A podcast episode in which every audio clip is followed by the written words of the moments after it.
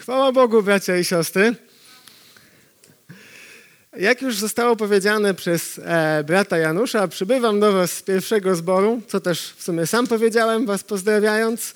E, I nasz zbór ma jeden taki defekt. Niestety nie ma takiej nazwy fajnej, jak Wy macie. Blisko Boga. Nie ma generalnie żadnej nazwy. Mam nadzieję, że się e, w najbliższych latach gdzieś to zmieni no taką potoczną nazwę Walicowo, tak? Gdzie jedziesz na Waliców, tak? Ale no to taka nazwa od ulicy, także myślę, że możemy zrobić coś lepszego mimo wszystko. E, w każdym razie mam nadzieję, że to moje kazanie, którym się e, chciałbym dzisiaj z wami podzielić, w jakiś sposób nawiązując właśnie do waszej nazwy, przybliży nas do Boga. W jakiś sposób zbliży nasze dusze do Niego, do poznania Jego Słowa, ale przede wszystkim do poznania Jego Syna, Jezusa Chrystusa. Ale żeby się tak stało, to myślę, że dobrze jest rozpocząć kazanie od modlitwy i właśnie tak zrobię. Dobry Boże, nasz Ojcze, dziękujemy Ci za wielki dar, jakim jest Twoje natchnione słowo, które możemy czytać każdego dnia, do którego możemy się odwoływać w chwilach trudności, które jest naszym przewodnikiem na naszej życiowej ścieżce. Dziękuję Ci, Panie, że nam je dałeś i posługujesz się nim, aby przemieniać nasze dusze na obraz i podobieństwo Chrystusa, naszego Pana. Proszę Cię, żeby tak właśnie też stało się dziś, kiedy będziemy słuchać tego słowa. Proszę Cię, aby nasze mm, umysły były skupione na tym słowie, aby nasze serca były otwarte na jego przejmowanie, tak żeby ostatecznie nasze dusze mogły zostać przeobrażone w coś nowego, w coś, co Ty, Panie, chcesz w nas uczynić dzięki mocy Ducha Świętego. O to prosimy Ciebie w imieniu Chrystusa, naszego Pana i drogiego Zbawiciela. Amen. No dobrze, moi drodzy, rozpocznę może od takiej serii pytań, żeby nas troszeczkę rozruszać. Czy są może wśród nas jakieś osoby, które czytały na przykład Hobbita autorstwa Tolkiena, tego samego, który napisał Władcę Pierścieni? Jeśli tak, to można podnieść rękę. O, no jest, jest sporo osób, trzeba przyznać. Fajnie, bardzo dobrze. A czy może ktoś, tak zupełnie z innej dziedziny, oglądał może filmy Gwiezdne Wojny w reżyserii e, George'a Lucasa, chociaż niektóre części? O, no też jest sporo, sporo rąk, ale duża część rąk się pokrywa.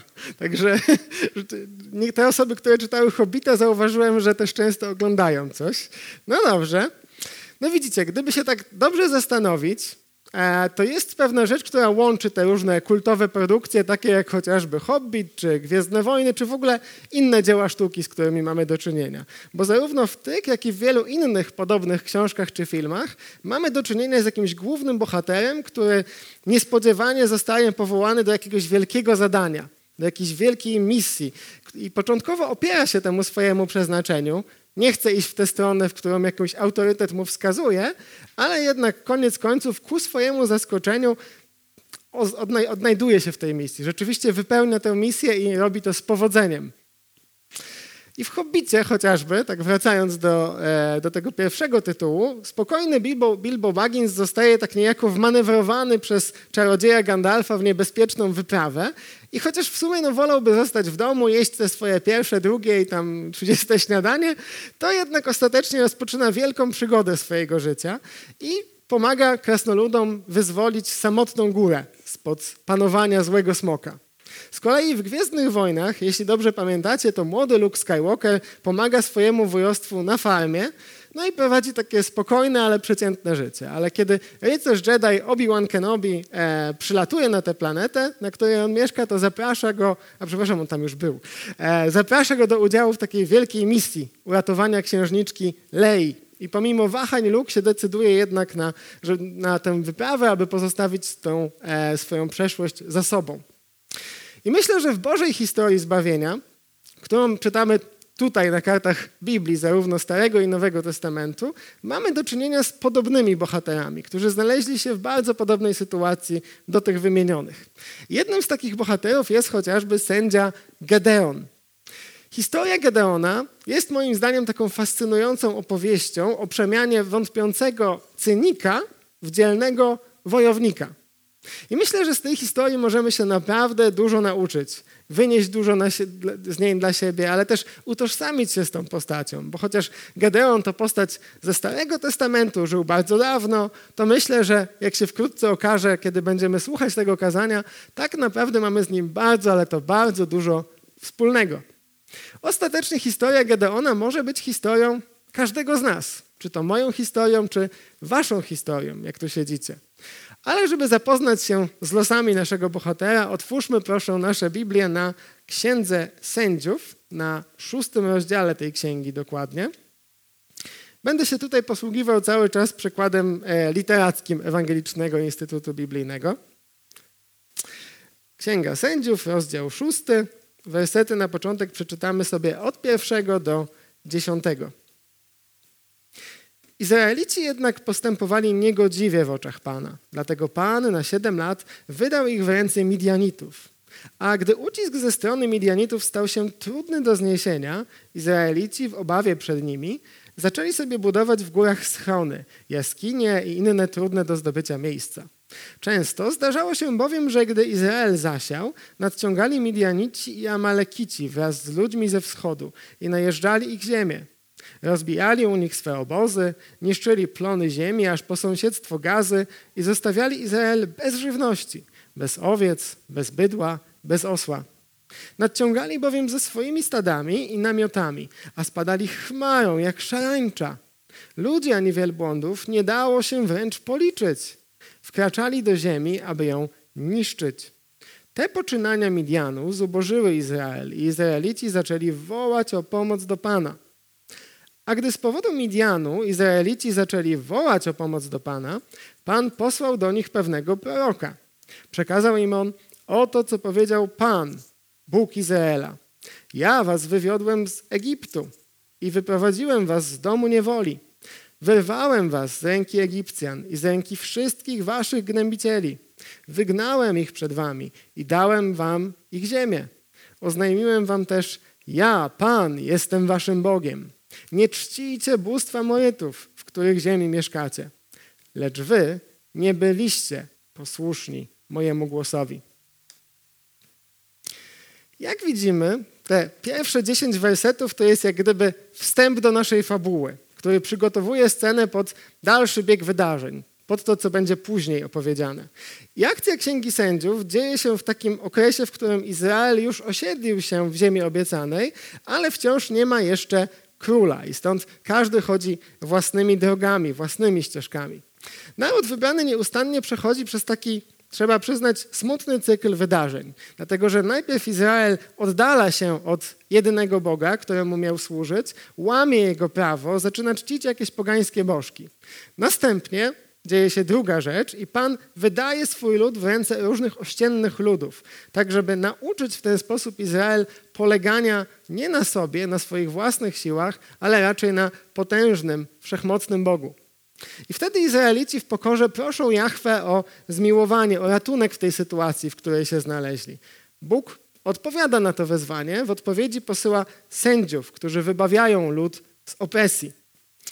Ale niestety, jak czytamy tutaj w ostatnim, dziesiątym wersecie, pomimo łaski, wielkiej łaski, którą Bóg wyświadczył Izraelowi, oni niestety jednak nie odwracają się od swoich dawnych grzechów. I ten smutny cykl zaczyna się na nowo, i na nowo, i na nowo, i jeszcze raz na nowo. I tym razem, na skutek grzechu bałwochwalstwa, Izraelici znaleźli się na siedem lat w rękach Midianitów i też innych ludów, które najeżdżały ich ziemię i e, robili bardzo złe, złe rzeczy w tej ziemi, dlatego że strategia tych okrutnych najeźdźców polegała nie tylko na tym, że atakowali mieszkańców Izraela, ale nawet pozbawiali ich wszystkich niezbędnych zasobów, czyli plonów, żywności i bydła. Ale Bóg zlitował się nad swoim ludem, posłał do nich bezimiennego proroka, po prostu jego imienia niestety tutaj nie znamy. I ten prorok wyjaśnił Izraelowi, że prawdziwy powód stojący za kryzysem, przez który Żydzi muszą teraz przechodzić, to właśnie grzech bałwochwalstwa, w którym oni tkwią. Oddawanie czci obcym Bogom, odejście od Jahwe.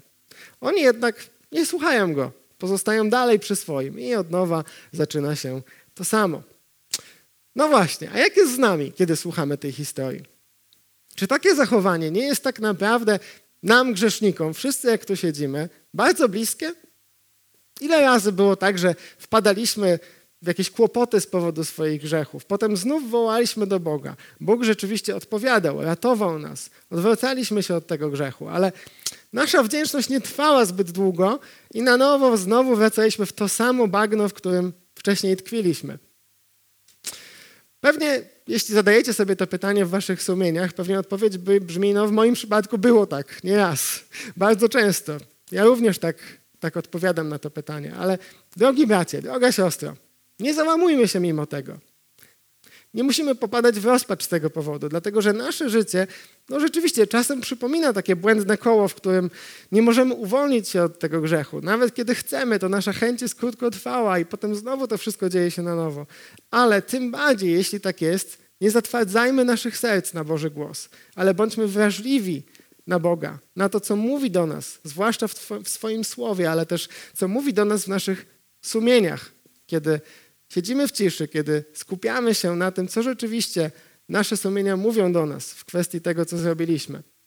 Jestem pewny, że jeśli tak zrobimy, będziemy wrażliwi na Boży głos, to On wskaże nam drogę do wyjścia z tej sytuacji. A tymczasem wracamy do naszego tekstu. Bo tło wydarzeń już zostało zarysowane, scena została przygotowana, no i na nią wkracza nasz główny bohater. Dlatego przeczytajmy wersety od 11 do 14. Ponadto anioł Pana przybył i usiadł w Owsze pod dębem Joasza Abiezryty. Jego syn Gedeon wyklepywał właśnie w tłoczni winnej pszenicę, chcąc ją ukryć przed Midianitami. Wtedy ukazał się mu anioł Pana i tak przemówił do niego. Pan z tobą, dzielny wojowniku. Gedeon odpowiedział, za przeproszeniem, mój panie, jeśli pan jest z nami, to dlaczego nas to wszystko spotkało? Gdzie są te wszystkie Jego cuda, o których opowiadali nam nasi ojcowie? Powtarzali, czy to nie Pan wywiódł nas z Egiptu? Teraz Pan porzucił nas i wydał w szpony Midianu. Wówczas Pan zwrócił się ku niemu. Idź w tej swojej mocy i wybaw Izraela spod władzy Midianu. Czyż cię nie posyłam? Spójrzmy sobie na ten tekst, który wysłuchaliśmy i zadajmy sobie takie pytanie. Kim jest nasz bohater, Gedeon. Może jest starszym swojego ludu, może jakimś mądrym prorokiem, a może jakimś doświadczonym w boju rycerzem, który stoczył już wiele bitew w obronie Izraela. No nie, na to nie wygląda. Gedeon jest po prostu zwykłym człowiekiem, takim jak każdy z nas, do tego jest nawet dość młody. A czym zajmuje się nasz Gedeon w tekście? Czy spotykamy go na przykład na polu bitwy, gdzie stacza bohatersko e, wojny z wrogami, broniąc kobiet, dzieci, starców, pokrzywdzonych. No również nie. Spotykamy go przy bardzo zwyczajnym zajęciu, jakim jest wyklepywanie pszenicy po to, żeby ukryć ją przed wrogami, żeby oni jej nie zniszczyli. No, brzmi to sprytnie, brzmi to całkiem mądrze, no ale to nie jest nic wielce bohaterskiego, prawda? No i co tu się dzieje? Przychodzi anioł pański, siada sobie pod drzewem Joasza, czyli ojca Gedeona, i zwraca się do Gedeona: Pan z tobą, dzielny wojowniku. No jakiś żart mogłoby się wydawać. Coś jest chyba tutaj nie tak. Czy ten anioł sobie kpi jakoś, czy o co chodzi w takim razie? No przecież przynajmniej na razie nie mamy przed sobą jakiegoś wielkiego, dzielnego wojownika. Na razie mamy przed sobą Gedeona, który po cichutku sobie tą pszenicę klepie. Ale, jest jedno ważne ale. Bóg widzi w Gedeonie kogoś więcej. Widzi w nim kogoś, kogo sam Gedeon jeszcze w sobie nie dostrzega. Nie widzi w nim jedynie tego, kim teraz jest, ale widzi raczej to, kim on może się stać za jego pomocą. I to nie jest więc żart, nie jest to kpina, ale raczej jest to prorocza zapowiedź przyszłości Gedeona. Parafrazując to zawołanie anioła, Pan z tobą, dzielny wojowniku, którego już niebawem z ciebie zrobię. I co odpowiada aniołowi nasz Gedeon, nasz bohater? Bardzo lubię przewrotność tej historii i nawet taką gorzką autentyczność, która bije tutaj z postaci Gedeona. Bo aż trudno uwierzyć, ale zamiast się przestraszyć, no zwłaszcza, że to anioł pański, to wręcz naskakuje na tego gościa strzelam całą serią bardzo trudnych i szczerych pytań. Jeśli Pan jest z nami, to dlaczego nas to wszystko spotkało? Gdzie są te wszystkie cuda, o których opowiadali nasi ojcowie? I następnie nawet stwierdza, że Bóg porzucił Izraela, skoro wydał go w ręce Midianitów. No są to bardzo mocne słowa, trzeba przyznać. I w tym miejscu spodziewalibyśmy się, że Bóg okaże swój gniew, w jakiś sposób ukaże Gedeona, albo może chociaż surowo go napomni. A tymczasem dzieje się coś zupełnie innego. Anioł Pański wysłuchuje go. Ze spokojem, cierpliwością, uwagą wsłuchuje się w te jego pytania.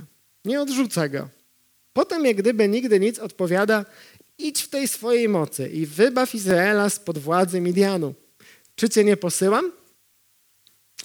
Kochani, nie wiem, czy wy też tak macie, ale mi się czasem trudno utożsamić z tymi bohaterami ze Starego Testamentu, bo te starotestamentowe historie są takie czasami odległe, dzieją się w kulturze zupełnie innej niż nasza, ale też bohaterowie czy też krainy geograficzne mają takie nazwy, które aż trudno wymówić. No, na przykład ta Ofra Abizyryjska, tak? Na przykład. No, to nie są zbyt łatwe nazwy. Przez to czasami ten Stary Testament wydaje się nam trudny, tak żeby się w niego wczuć. Ale myślę, że Gedeon ma z nami tak dużo wspólnego, co widać chociażby tutaj, w tej porcji tekstu, że warto ten Stary Testament czytać. Warto się nim inspirować. Dlatego, że jeśli będziemy uważni, jeśli z zaangażowaniem do tego podejdziemy, to rzeczywiście znajdziemy tam mnóstwo pięknych przykładów. Ale pięknych na różny sposób. Nie będą to zawsze idealni święci bohaterowie, którzy realizują Bożą wolę po prostu idealnie co do joty. Czasami będą to ludzie, którzy odnoszą porażki i wtedy tym łatwiej będzie się nam z nimi utożsamić. Pewnie też w niektórych z nas może budzi się taki mały wewnętrzny faryzeusz, który mówi: No nie, no ten Gedeon się tak butnie zachował, ja to bym się tak nie zachował. Nie, nie, nie, ja bym powiedział: Tak jest, panie, jestem gotowy, aby wypełniać Twoją wolę. Na, na pewno, naprawdę? Tak szczerze, gdybyśmy do tego podeszli, czy rzeczywiście? Mam wrażenie, że w trudnościach, kiedy e, dzieje się w naszym życiu coś, nie, coś bardzo e, ciężkiego, co, przez co musimy przejść, to raczej pytamy Boga, gdzie się ukrywa. Gdzie jesteś, Panie Boże, kiedy dzieją się różne złe rzeczy, kiedy moi bliscy cierpią, kiedy dzieje się im krzywda?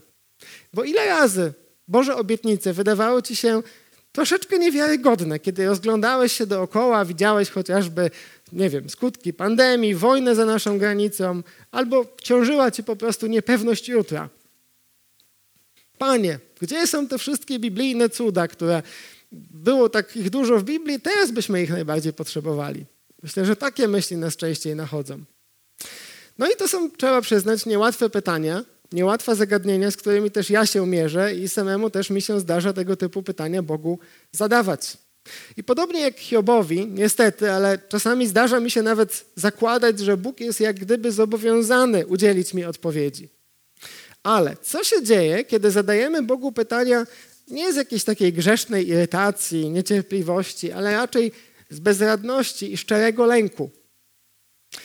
Bóg Ciebie kocha, mnie też kocha, jestem co do tego przekonany na podstawie Bożego Słowa i dlatego pozwala zadawać nam pytania tego rodzaju. Nawet jeśli są trudne, nawet jeśli są szczere, nawet jeśli są skomplikowane i nie zawsze dostajemy od razu odpowiedź. Wtedy On jest przy nas i słucha, tak jak anioł pański był przy Gedeonie i po prostu słuchał, nie upominając go.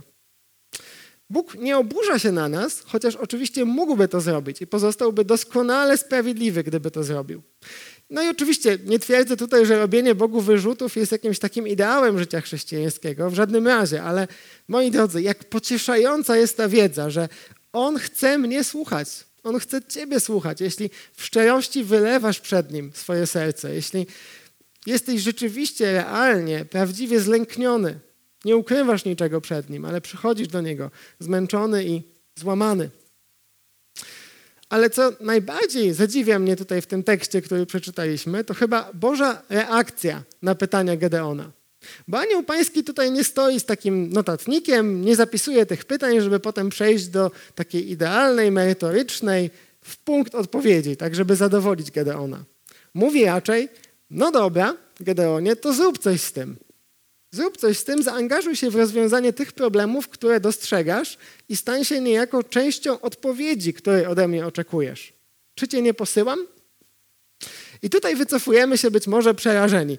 No ja, ja mam coś znowu zrobić? Nie, nie, no, na pewno jest 10 osób, które są lepsze ode mnie w tym, do czego mnie Boże starasz się wysłać. Nie, nie, może oni to zrobią. Ja też tak zwykle robię, że przedstawiam Bogu jakiś taki wachlarz wymówek. Tak? Jedna, druga, trzecia.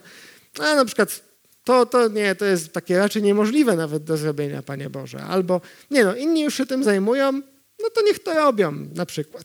Albo nie no, to jest nawet dobra myśl, Panie Boże, ale ja jeszcze nie jestem na to gotowy.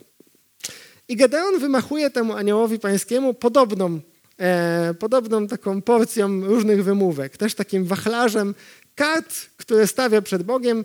Tutaj są moje powody, dla których nie mogę tego zrobić. A żeby zobaczyć, jakie są to powody, to przeczytajmy wersety od 15 do 16. Lecz Gedeon zapytał, za przeproszeniem, mój panie, ale czym mam wybawić Izraela?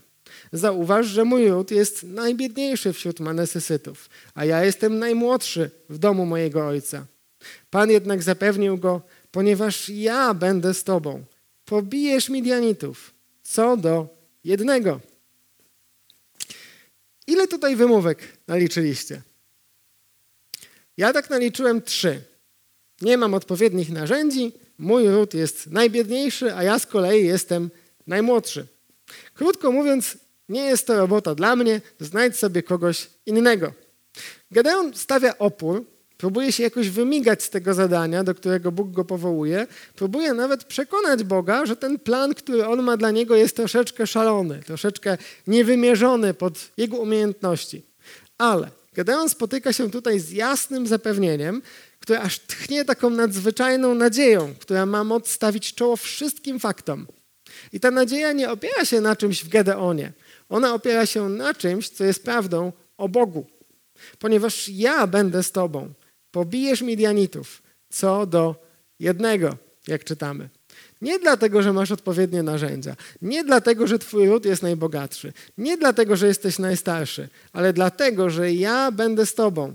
Uda ci się, dasz radę, mój Gedeonie. Takie jest przesłanie anioła pańskiego tutaj. I tak jak mówiłem, ja też prezentuję Bogu czasami taki wachlarz wymówek, ale historia Gedeona, można powiedzieć, że rozwiewa je wszystkie i pokazuje mi, że nawet jeśli moje wymówki są prawdziwe, bo często są, to są najlepszym argumentem nie za tym, co mówię, ale przeciwko mnie. Dlaczego? Bo Bóg powołuje właśnie takich ludzi. Ludzi słabych, zawodnych, wątpiących, aby dzięki swojej łasce zrobić z nimi coś niesamowitego, uczynić ich właśnie mocnymi, wypróbowanymi, pewnymi. No wiecie, na etapie szkoły średniej ja bardzo, ale to bardzo bałem się wystąpień publicznych. I to do tego stopnia, że jak słyszałem, że będzie jakiś apel, jakieś tam e, takie rzeczy typu, że telewizja ma przyjechać, ja mam coś mówić, to po prostu byłem siny, fioletowy, chciało mi się wymiotować i to naprawdę nie było, nie było przyjemna myśl, że kiedyś mam stanąć przed jakąś większą grupą osób, otworzyć swoje usta i coś do nich mówić. No ale jak widzicie, mimo że dużo się oczywiście muszę nauczyć, to jednak stoję tutaj jeszcze nie zemdlałem, nie musi żaden brat podbiegać, żeby mnie łapać tutaj. E, także da się. Także moje pytanie do ciebie, bracie i siostro, a jaki jest twój wachlarz wymówek w różnych sytuacjach, do których Bóg cię powołuje? Jakie karty ty otwierasz przed Bogiem? Tego nie mogę, a to, to też z tego powodu nie jest to odpowiednia rzecz dla mnie. Nie, nie, nie, może coś innego, Panie Boże, nie, to taka jest dziwna rzecz, do której mnie powołujesz. Przykładowo, Ktoś może powiedzieć, ja nie podejmę się tej służby w zborze, no bo ten i ten, ta i ta osoba robi to lepiej. Innym razem ktoś może powiedzieć, nie, no ja nie jestem urodzoną ewangelistką, więc no chyba nie będę jakoś się dzielił Ewangelią z tą moją sąsiadką. Może od kogoś innego usłyszę. Albo, wiesz, Panie Boże, tak pojutrze, pojutrze to tak już się będę lepiej z tym czuła. Ewentualnie ktoś przychodzi do nas z problemem i mówimy, nie no, z takimi problemami, to ty idź do kogoś innego, bo ja to tam, żaden ze mnie duszpasterz, ja ci kompletnie nic nie jestem w stanie dać w tej kwestii. Moi drodzy, dajmy sobie spokój z tymi wymówkami. Dajmy sobie po prostu spokój, bo Bóg powołuje nie tylko ludzi już uzdolnionych. Takich oczywiście też powołuje, ale Bóg uzdalnia przede wszystkim powołanych, którzy jeszcze nie mają tych zdolności, jeszcze nie mają tych kompetencji, jeszcze nie mają tej pewności. Ale pierwsze często jest powołanie, a wszystkie środki do jego wykonania Bóg bardzo często daje później. A to, co Bóg lubi robić najbardziej, jak sądzę, to pracować właśnie z ludźmi słabymi, takimi jak ty czy ja. I tak jak do apostoła Pawła, Pan kieruje do nas pewne zapewnienie, o które znajdujemy w drugim liście do Koryntian. Wystarczy ci moja łaska, bo moc doskonali się w słabości. A tymczasem możemy, myślę, pójść dalej z naszą historią i przeczytać wersety od 17 do 24. Gedeon wciąż był niepewny. Proszę, powiedział, jeśli znalazłem łaskę w Twoich oczach, to daj mi jakiś znak, że to Ty rozmawiasz ze mną. Nie odchodź stąd, proszę, aż wrócę do Ciebie i położę przed Tobą mój dar. A on odpowiedział, dobrze, pozostanę, aż wrócisz. Gedeon wkrótce wrócił z przyrządzonym koźlęciem i prześnikami z jednej efy mąki. Mięso niósł w koszu, polewkę w garnku, wszystko to przyniósł pod terebint i postawił przed nim. Wówczas anioł Boży powiedział do niego, weź mięso i prześniki i połóż tam, na tej skale. Polewkę natomiast wylej. I Gedeon tak zrobił. Wtedy anioł Pana wyciągnął laskę, którą trzymał w ręce, dotknął jej końcem mięsa i prześników. Gdy tylko to zrobił, ze skały strzelił ogień i strawił mięso wraz z prześnikami. A potem anioł Pana zniknął mu sprzed oczu. Gdy Gedeon pojął, że to był anioł Pana, wykrzyknął Ach, mój wszechmocny Panie, przecież ja twarzą w twarz oglądałem anioła Pana. Pan jednak go zapewnił, bądź spokojny, nie bój się, nie umrzesz.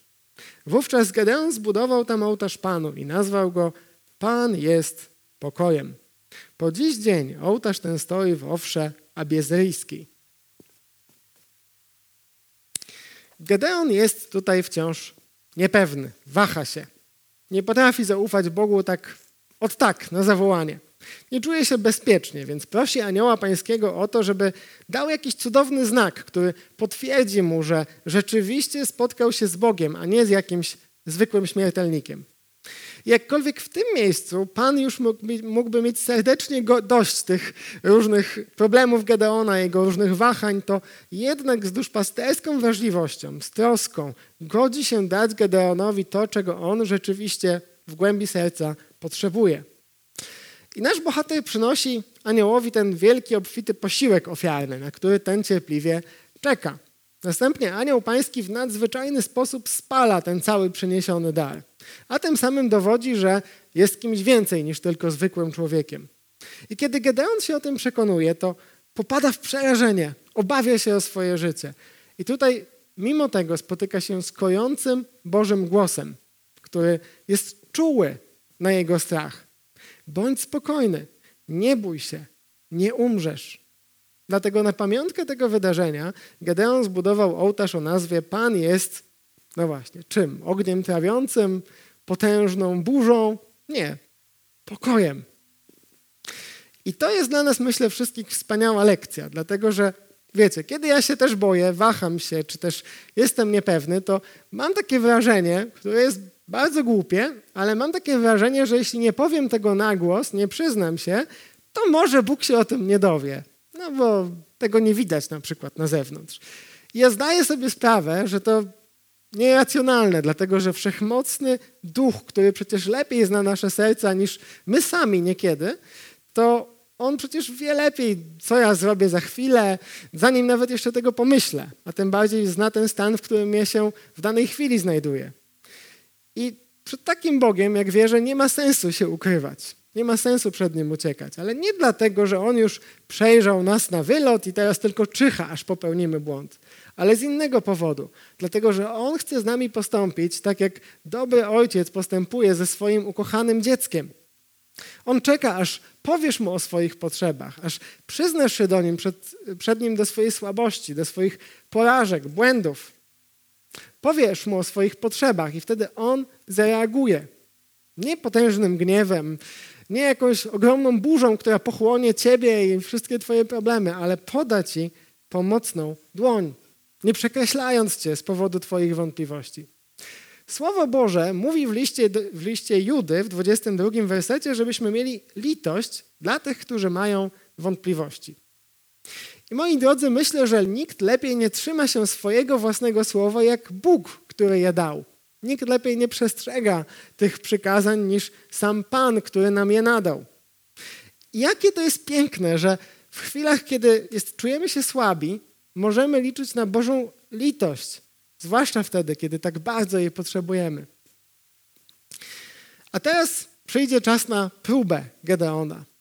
Po tym okazywaniu mu zrozumienia, empatii, po tak by przyjścia do niego w atmosferze akceptacji, nastąpi czas próby, pewne wyzwanie, które będzie testem dla Gedeona. I żeby się przekonać, jakie to będzie wyzwanie, polecam przeczytać wersety od 25 do 27.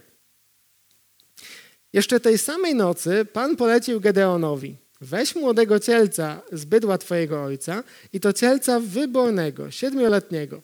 Zbóż ołtarz Baala, należący do twego ojca, a Aszerę, która stoi przy nim, zetnij. Zbuduj natomiast ołtarz na cześć Pana, twojego Boga, na szczycie tej warowni w obrysie ołtarza. Następnie weź przygotowanego cielca i złóż go w ofierze całopalnej na drewnie ściętej Aszery. Gedeon wziął więc dziesięciu ludzi spośród swoich sług i uczynił tak, jak mu Pan polecił. Bał się jednak rodziny swego ojca oraz mieszkańców miasta, dlatego nie zrobił tego w dzień. Zabrał się za to w nocy.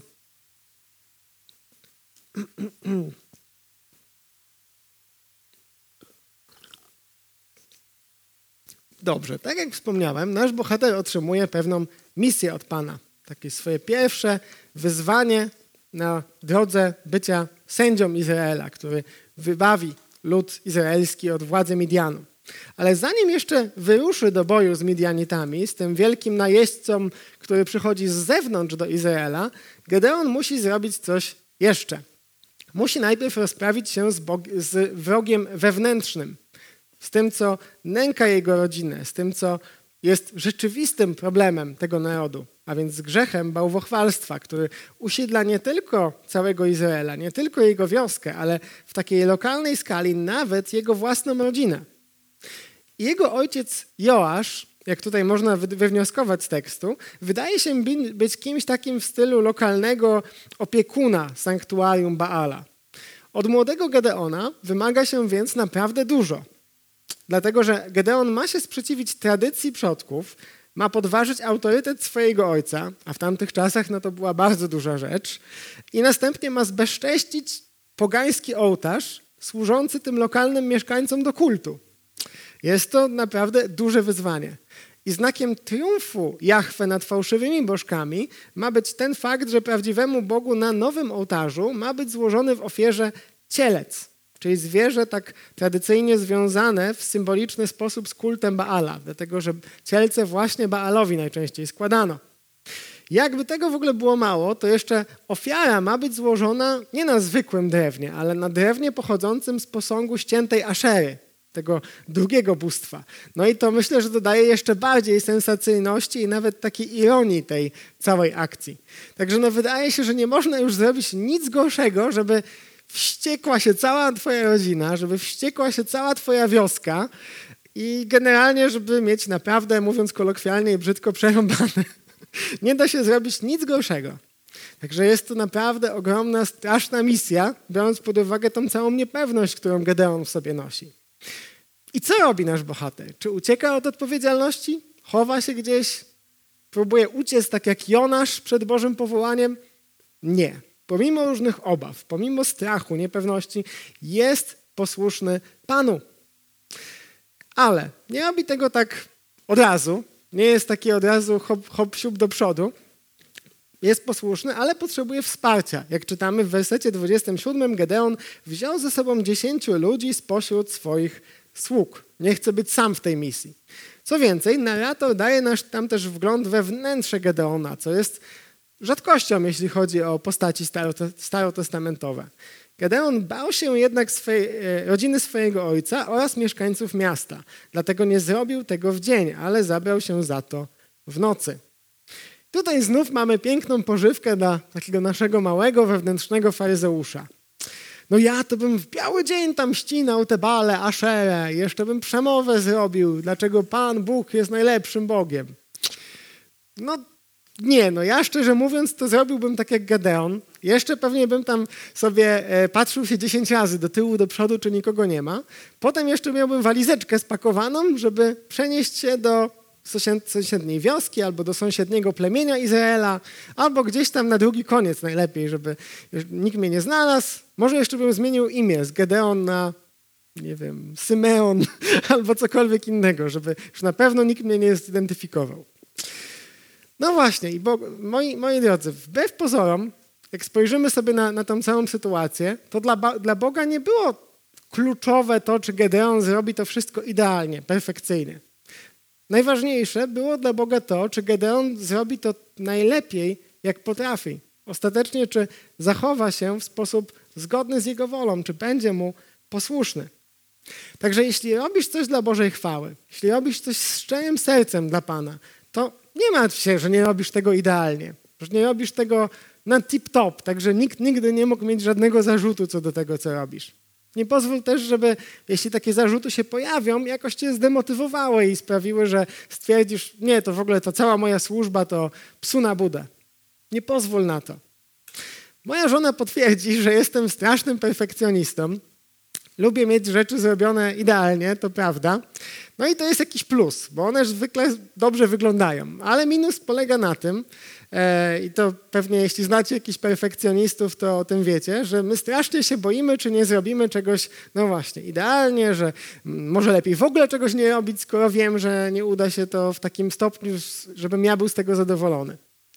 Ale tak naprawdę w tym pomogła mi jedna taka rzecz, że sobie uświadomiłem, że przecież gdybyśmy mieli takie wysokie standardy wobec siebie, to nigdy nic byśmy dla Pana nie zrobili. Cały czas byśmy tylko zastanawiali się, a może przyjdzie ten dzień, kiedy będę taki świadomy w pełni tego, że teraz to już jestem w stanie idealnie coś zrobić. No, tak możemy siedzieć, siedzieć, siedzieć w fotelu, zastanawiać się, kiedy ten dzień nadejdzie i prawdopodobnie nie nadejdzie nigdy. Ewentualnie, kiedy już Bóg zabierze nas do siebie, udoskonali w pełni i będziemy w Bożym Królestwie. Ale wtedy na służbę to już może być troszeczkę późno. E, w związku z tym lepiej, jak sądzę, jest pełnić służbę w zborze niedoskonale, niż w ogóle jej nie pełnić. Lepiej jest głosić Ewangelię nawet jąkając się, nie mówiąc nawet składnie, niż w ogóle jej nie głosić. Lepiej jest wysłuchać kogoś, kto przychodzi do nas i cierpi, niż odesłać ją, tą osobę gdzieś zupełnie dalej albo zignorować ją, dlatego że bardzo możliwe, że taka osoba nie znajdzie nikogoś innego niż ty. Dlatego nawet jeśli nie czujesz się wystarczający, zareaguj, tak jak Gadeon, na to, z czym się mierzysz w swoim życiu, na to, co Bóg stawia na twojej drodze. I w ten sposób dochodzimy do ostatniej części naszej opowieści, czyli do wersetów od 28 do 32.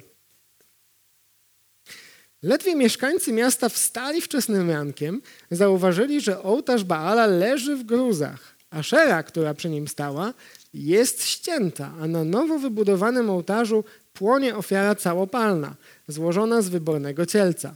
Zaczęli wówczas, wówczas zadawać sobie nawzajem pytanie, kto też dopuścił się tej rzeczy? Zbadali i doszli, że odpowiada za to Gedeon, syn Joasza. Wówczas mieszkańcy miasta wezwali Joasza. Wyprowadź swego syna i niech umrze. zburzył on ołtarz Baala i ściął Aszerę, która przy nim stała. Lecz Joasz odpowiedział wszystkim, którzy przed nim stanęli, czy wy chcecie prowadzić spór w imieniu Baala? Czy to wy chcecie go ratować? Kto w jego imieniu chce prowadzić spór, do rana będzie martwy. Jeśli on jest Bogiem, niech zatroszczy się o siebie sam. Ostatecznie to jego ołtarz zburzono. Dlatego w tym dniu nadano Gedeonowi imię Jerubaal. Stwierdzono bowiem, niech Baal się z nim rozprawi za zburzenie jego ołtarza. Jak widzimy, te obawy Gedeona wcale nie okazały się takie bezzasadne. Mieszkańcy wioscy, wioski zobaczyli, co się stało z ich świętościami, z tymi bożkami, które tak bardzo cenili i żądają teraz śmierci e, dla sprawcy tego świętokradztwa. I co ciekawe, kiedy pytają, któż się dopuścił tych rzeczy, to sam Gedeon nie ujawnia się, nie wychodzi przed szereg i nie mówi, ja to zrobiłem w imię Pana, tylko siedzi gdzieś tam sobie po cichutku. I dopiero w wyniku dochodzenia czciciele ba Baala stwierdzają, że odpowiada za to Gedeon, syn Joasza. I wtedy dochodzi do ciekawego zwrotu akcji, dlatego że na przedszereg wychodzi nie Gedeon, ale Joasz, czyli ojciec Gedeona. I nie broni tutaj Baala, chociaż był opiekunem tego sanktuarium, ale broni swojego syna. Joasz przemawia wszystkim zebranym do rozsądku. I co? Wy chcecie ratować to bóstwo, które samo nie potrafi się uratować? Jeśli Baal jest naprawdę Bogiem, no to upomnij się o swoje. A was Baal do niczego zupełnie nie potrzebuje. I bardzo możliwe, tak nie mamy tego tutaj wprost napisane, ale tak wnioskuję, że to radykalne świadectwo wiary złożone przez syna wywarło silny wpływ na jego ojca, który zwątpił moc w, Baal, w moc Baala, skoro ten Baal sam nie potrafił obronić swojej godności. Krótko mówiąc, ten bohaterski czyn Gedeona miał, okazał się mieć ogromne, doniosłe znaczenie, nawet jeśli chodzi o jego własną rodzinę. Bóg użył tego wątpiącego cynika, dlatego że myślę, że to określenie jak najbardziej adekwatnie opisuje Gedeona po tym wszystkim, co słyszeliśmy. Bóg użył tego wątpiącego cynika, żeby wzbudzić duchowe przebudzenie w jego rodzinie. I Pan zrobił z niego dzielnego wojownika, który już na tym etapie jest gotów walczyć o to, co dobre i słuszne.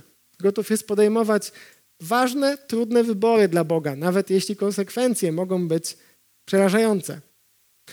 Bracia i siostry, myślę, że ten przykład Gedeona pokazuje nam, że cokolwiek robimy dla Pana, cokolwiek robimy dla Boga, czy to czasem nieidealnie, czasem może niezdalnie, to ma głębokie znaczenie w Jego oczach.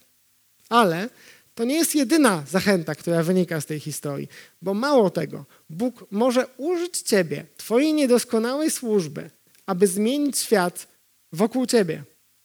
Ale najpierw, zanim będziemy jeszcze podbijać świat dla Chrystusa, musimy zacząć od własnego podwórka. Najpierw musimy pozwolić Chrystusowi podbić nasze serca. Zbóżmy te wszystkie ołtarze, te wszystkie baale i różne inne ołtarzyki, które wznieśliśmy dla różnych bożków w naszym życiu. Czy to polegając bardziej na pieniądzach niż na Bogu, czy bardziej na opinii innych niż na Bogu, czy może na własnej sprawiedliwości niż na naszym drogim Zbawicielu. Moi drodzy, też ta historia o Gedeonie myślę, że może stanowić ogromne przypomnienie, że Bóg nie boi się Twoich pytań, nawet tych trudnych, nawet tych problematycznych mogłoby się wydawać, bo On zawsze jest gotowy wysłuchać Cię. Chociaż, chociaż często może być tak, że nie otrzymasz od razu, natychmiast wszystkich odpowiedzi, na które czekasz. Ale Bóg Zamiast udzielać odpowiedzi, czasami woli, abyś ty sam stał się odpowiedzią na problemy, które dostrzegasz. Aby ciebie uczynić odpowiedzią na twoje własne rozterki, które cię męczą, tak abyś coś zrobił z tą rzeczywistością, która rzeczywiście po upadku nie jest idealna. Jednocześnie Bóg, przypominam, powołuje nie tylko uzdolnionych, ale też uzdalnia powołanych. I służąc Mu, nie martw się, że robisz coś nieidealnie, ale rób to z sercem, najlepiej jak potrafisz. Pomimo swojego strachu, pomimo wahań, pomimo, pomimo tych wątpliwości, nasz niesamowity Pan może użyć Cię, użyć Twojego posłuszeństwa, choćby chwiejnego, jako świadectwa dla wszystkich, którzy znajdą się w pobliżu. Czy to dla Twojego zboru, czy to dla Twojego miasta, czy dla Twojej rodziny, czy dla Twoich przyjaciół, wszędzie, gdziekolwiek się znajdziesz. I zanim jeszcze skończę, nie mogę przemilczeć jeszcze jednego wspaniałego faktu. Znaczy wspaniałego, z jednej strony mrocznego, ale z drugiej strony światło najlepiej świeci w ciemności, jak też e, można przeczytać w Ewangelii Jana. Bo niestety, ale jak wiemy z późniejszych rozdziałów Księgi Sędziów, ten Gedeon, ten wielki sędzia, którego Bóg wykorzystał, aby wybawić e, Izraela z ręki Midianitów, o ile stoczył wiele zwycięskich wojen w imię Pana, to jednak jako grzeszny człowiek koniec końców zawiódł. Dlatego, że pomimo, że zwyciężył w wielu bitwach, to pozostawił ten wyzwolony lud w szponach bałwochwalstwa i sam przyczynił się do wskrzeszenia bałwochwalstwa, z którym wcześniej walczył. Ale my mamy nowego i lepszego Gedeona, którym jest nasz Pan Jezus Chrystus, który jest wypełnieniem tego typu, którym jest Gedeon. Bo Pan Jezus Chrystus również okazał się być z postawy wątłym człowiekiem, takim jak ty czy ja. On także bał się, dlatego w ogrodzie oliwnym wołał do swojego ojca: Ojcze, jeśli chcesz, oddal ode mnie ten kielich. I o ile Gedeon zaryzykował śmiercią, to Chrystus naprawdę realnie poszedł na śmierć. Pomimo strachu, będąc posłuszny Ojcu, aż do śmierci i to nawet do śmierci na krzyżu.